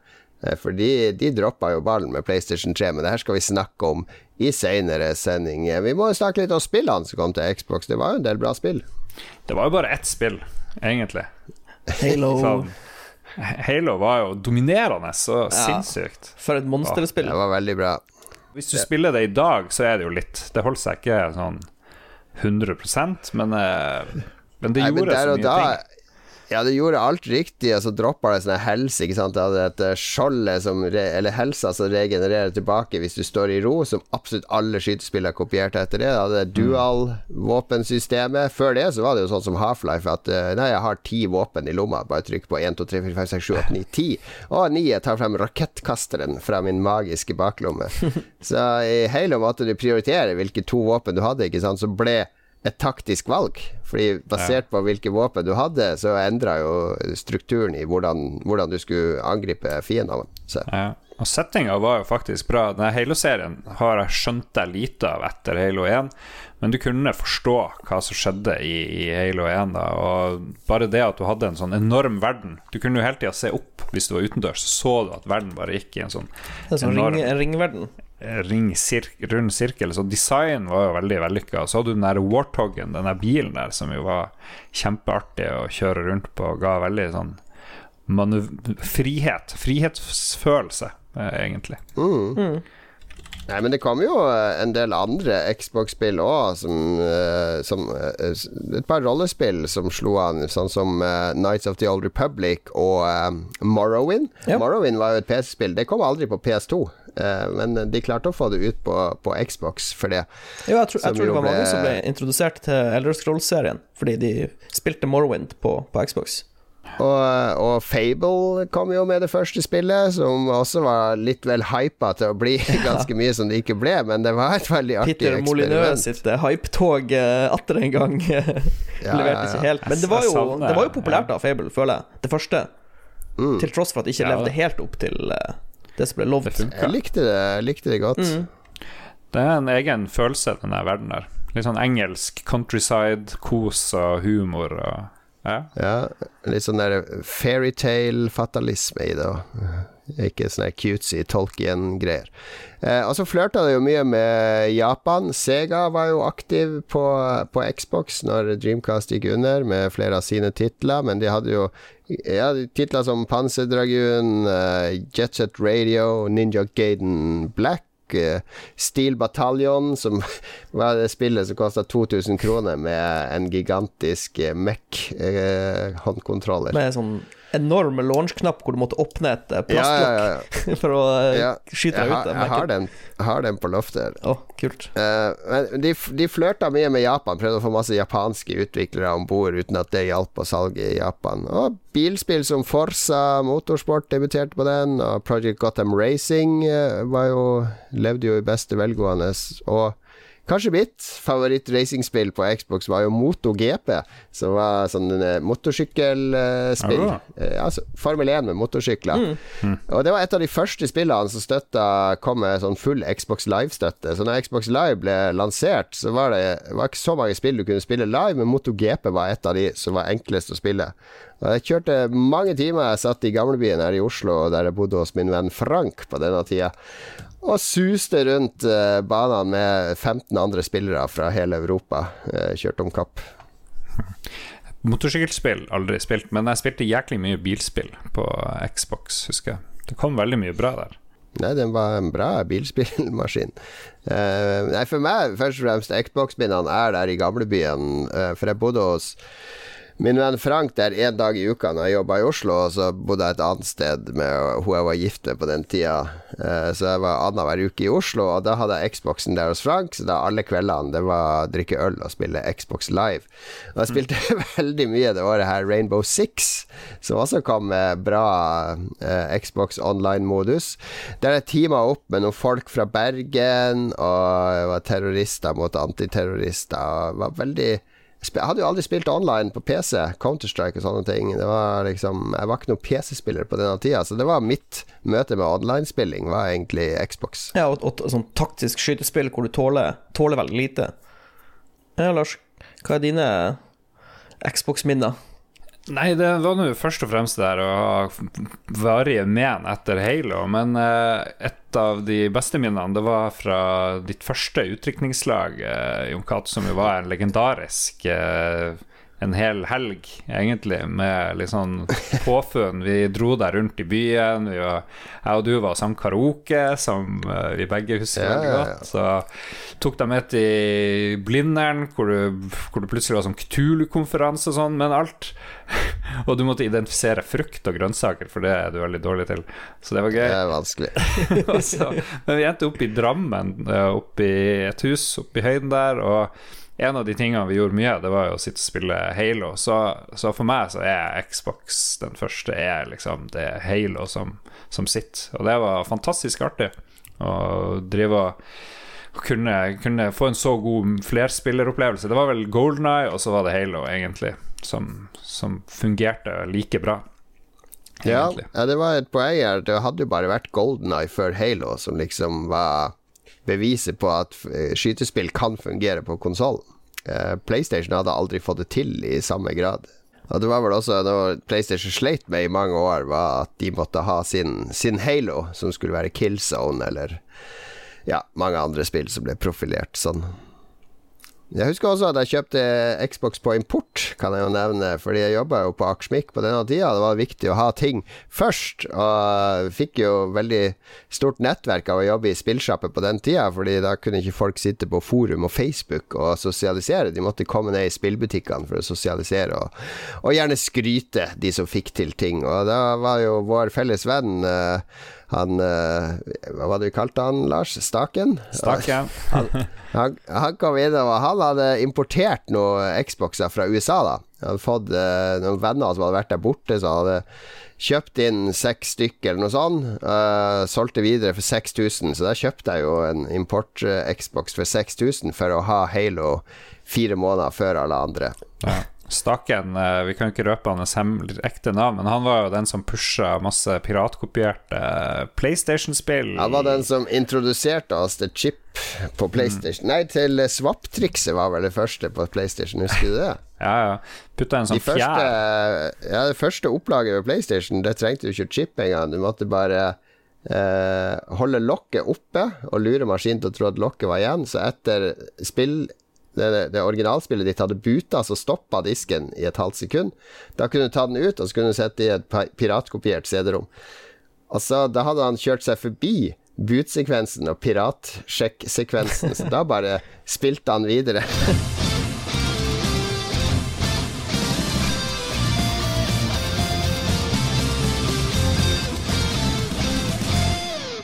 Ok, da nærmer vi oss slutten. eh, Eller vi hadde gjort det hvis ikke Lars hadde vært så aggressiv på å vekke til live lytterspalten. eh, Gud, Gud forbi at vi har mindre enn to timer opptak. Vi skal ha anbefalinger først, og her har Lars har bedt oss stålsette seg, fordi når det er bare jobb og kjærlighet, så er det ikke, er det ikke mye spill og andre ting å anbefale, eller? Hva er det du skal anbefale, Lars? Jeg er spent. Nei, jeg slet jo med å finne noe å anbefale, men uh, Har du slutta å lese bøker? Uh, Ja, har ikke lest noe bøker. Har uh, knapt sett noe Slutta å lese bøker, slutta å spille spill, slutta å se film, slutta å se TV-serier. Jeg ser litt TV-serier, men jeg har ikke sett noe jeg vil anbefale. Jeg har sett den der Space uh, Space Force. Hva heter det? Space Force på Netflix. Ja, den kan, den kan ikke anbefales. anbefales. Men det er et artig premiss, da. Det er Mm. at han, en Trump-figur er fremdeles president, og han har bedt i militæret å lage Space Force. Og alle som jobber i militæret, er enorme idioter, egentlig. Så det er litt artig. Bare krangling. Er, det, er det en dokumentar? ja, det, det kan være sånn. Det, jeg, vil, jeg ville bare sjekka det ut. Men jeg skal anbefale eh, en ny sang. Av, fra kjæresten din? ja.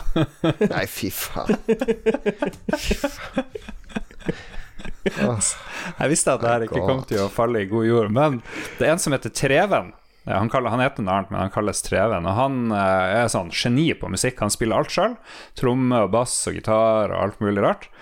Og så ser jeg han lager Han har laget Final Fantasy-cover, og han lager det der eh, Undertale driver han og styrer på. Så jeg tenkte jeg skulle høre om han ikke hadde lyst til å lage en eh, kjenningsmelodi til oss. Jeg tenkte vi kunne gi han en Commodore 64-sang, og så få han til å remikse den, eller et eller annet. Men uansett, han Treven her, han har laget en ny låt sammen med uh, min nye kjæreste. så Det er utrolig flaut, men Ja, jeg, jeg, jeg syns den er litt fin. så hvorfor ikke anbefale den? Kan du nynne den til oss? Uh, jeg, jeg klarer ikke. Jeg er så flau allerede. Det, jeg vil eksplodere. Så den låta heter Ella. Da. Jeg, skal ta, jeg, skal, jeg skal legge den inn i den her anbefalingsroboten vår. Uh, Lolbo.no. Anbefaling eller anbefalinger? Det er ingen som vet. Ja, ja. Det er Jeg, ett jeg, et gled- av de. nå skal, begynne å anbefale tegningen til barna mine og sånt. Ja, men det er en sånn fin historie bak, da. Det, var, det, det er vel 40 Ja, det, det er det òg, ja. Ja, det er sånn 40 eller 30 år siden, jeg husker ikke. Det er noe jubileum ganske snart for et band oppe i Finnmark som døde. Alle bortsett fra én døde. De kolliderte med en lastebil eller noe sånt. Og så hadde de en låt eh, som var ganske kjent, og så har mange folk liksom covra den, da. Eh, det enorme heavyjoik-bandet Intriga, blant annet, er en versjon. Men nå så er det liksom Nå er det på tide med jubileum. Så Det de her, eh, enorme heavyrock-bandet Intrig. Ja, ja de er jo De er sinnssykt store oppe i Finnmark og Ja, ok.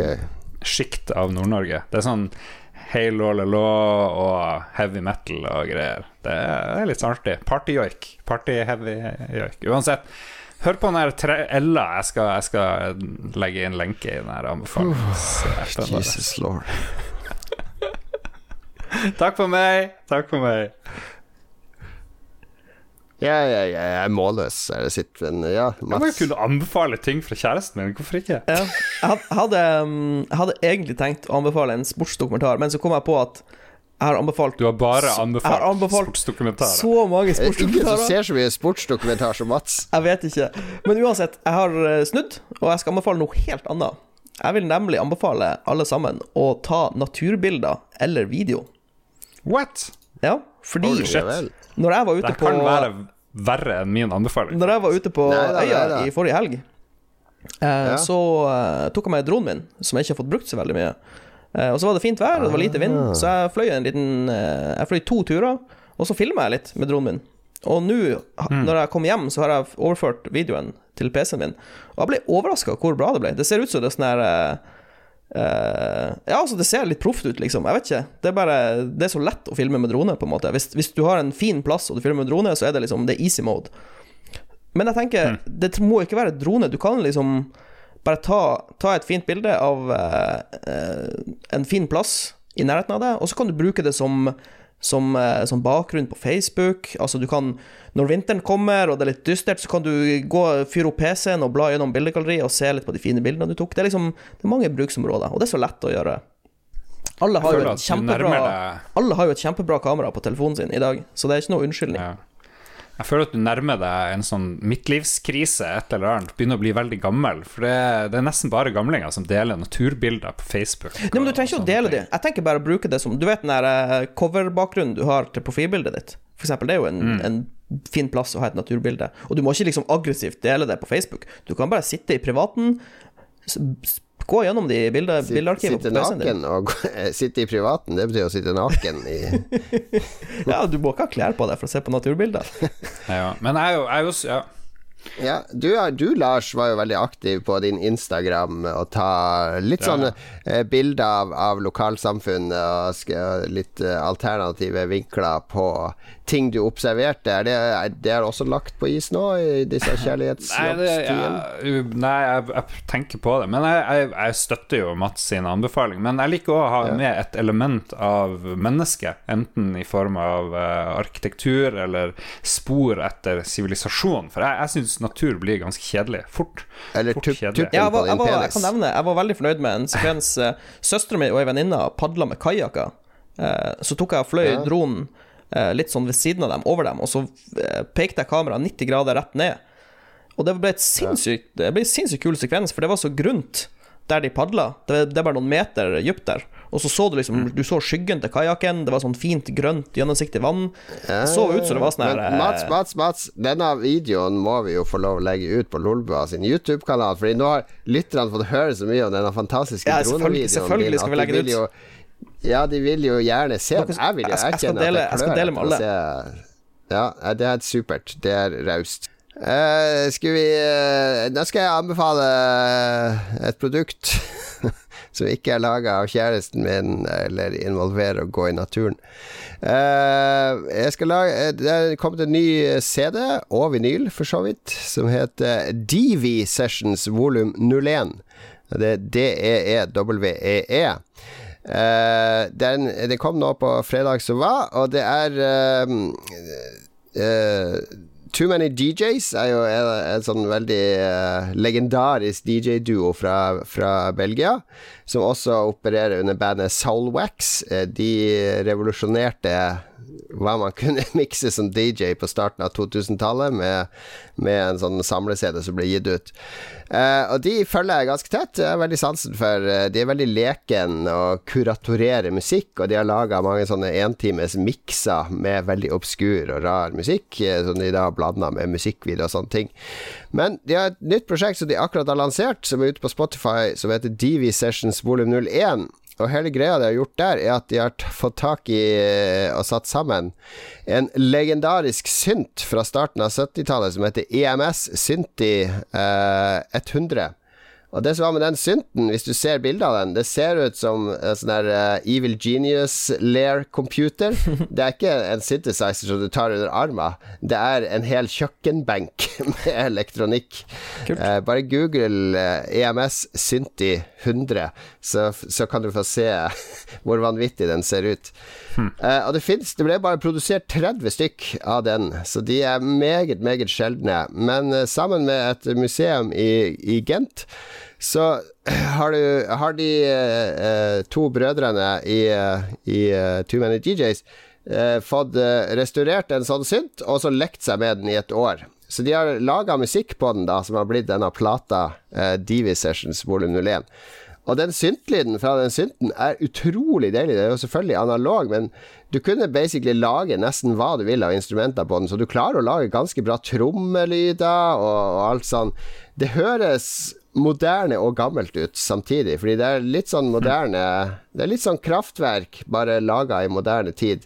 Og ennå møter litt Jean-Michel Jarre. Eh, så det er bare en halvtime lang, den plata, men jeg har hørt på den et par ganger eh, når jeg kjørte bil og her hjemme når jeg jobba. Veldig behagelig, fin old school syntmusikk da laga av disse to geniale musikerne fra, fra Belgia. Så Divi Sessions volum 1, hvis du liker original, analog, gammel synt, bare komponert med moderne kunnskap, sjekk det ut. Er det på Spotify hvor vi hører det? Jeg er på Spotify òg. Jeg legger ut link i anbefalingssida vår, så kan du gå rett til Spotify og, og finne det. Men se, ta og google den synten, da. Den ser så kul ut. Jeg googla den nå. Det, ser- det ser ut som du er på kontrollrommet til en atomreaktor på 70-tallet. Det er Ja, det er helt vilt hvor stor den er. Den er gigasvær. Det må være et helsike å operere den synten. Jeg skjønner at jeg sikkert har måttet bruke et år på å få Ja, ja. til uh, musikk. Og all musikken på den plata er kun laga på den synten. Ikke noen andre synthesizere eller instrumenter. Kult. Da har det kommet inn noen eh, lyttere. Helt på slutten, tampen, som det heter. Ja. Ja. Vi, eh, vi glemte lytterne forrige gang da vi skulle snakke om PlayStation, og vi glemte lytterne når vi skulle snakke om Xbox. Tar. Glemte å spille nye spill. Glemte å finne noe nytt å anbefale. Glemte lytterne. Nei, okay. det blir litt mye nå, Lars. Jeg unner deg jo den tida du er i nå, så, så vi, vi, vi vinger det til noe som fungerer for alle våre lyttere. Takk for uh, Please understand.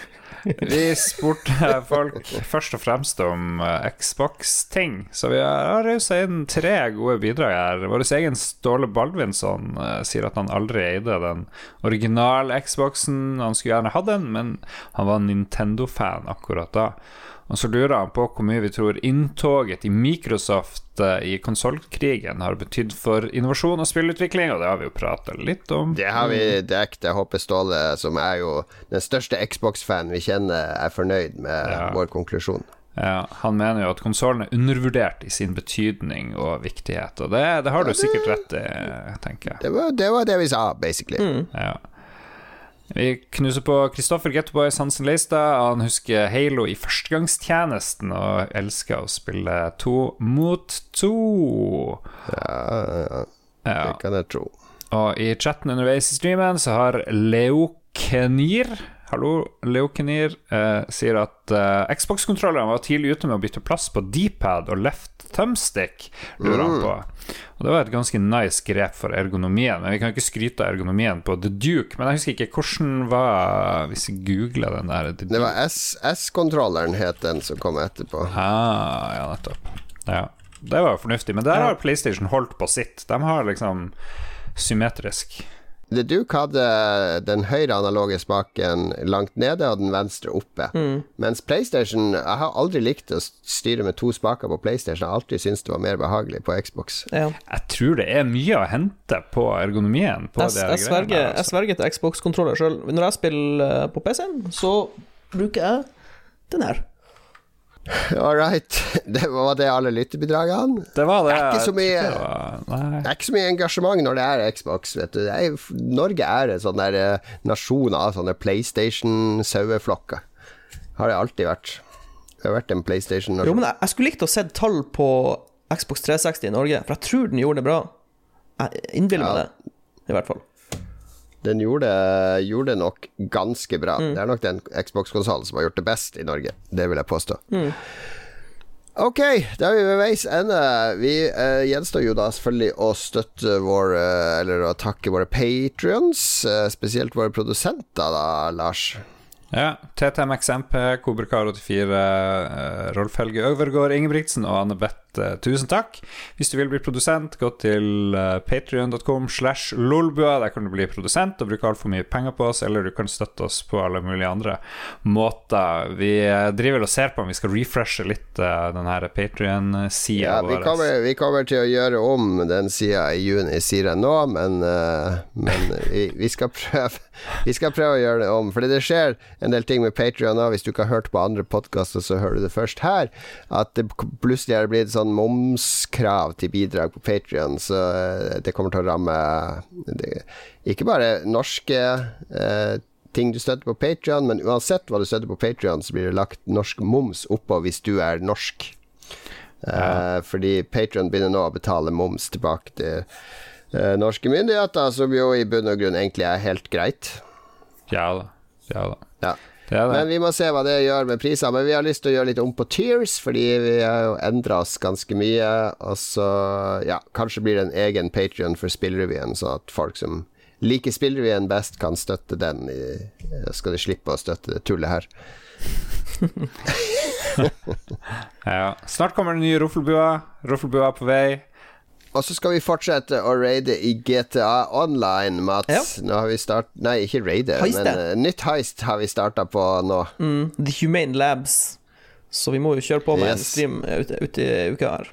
Og så kan vi si at det er et skjult prosjekt. Vi har sånn Skunkworks hvor det skjer et eller annet weird. Og vanligvis når vi sier det, så er det bare tull, men jeg tror det har skjedd ting allerede som, som eh, vil revolusjonere hele deler av Lolbua.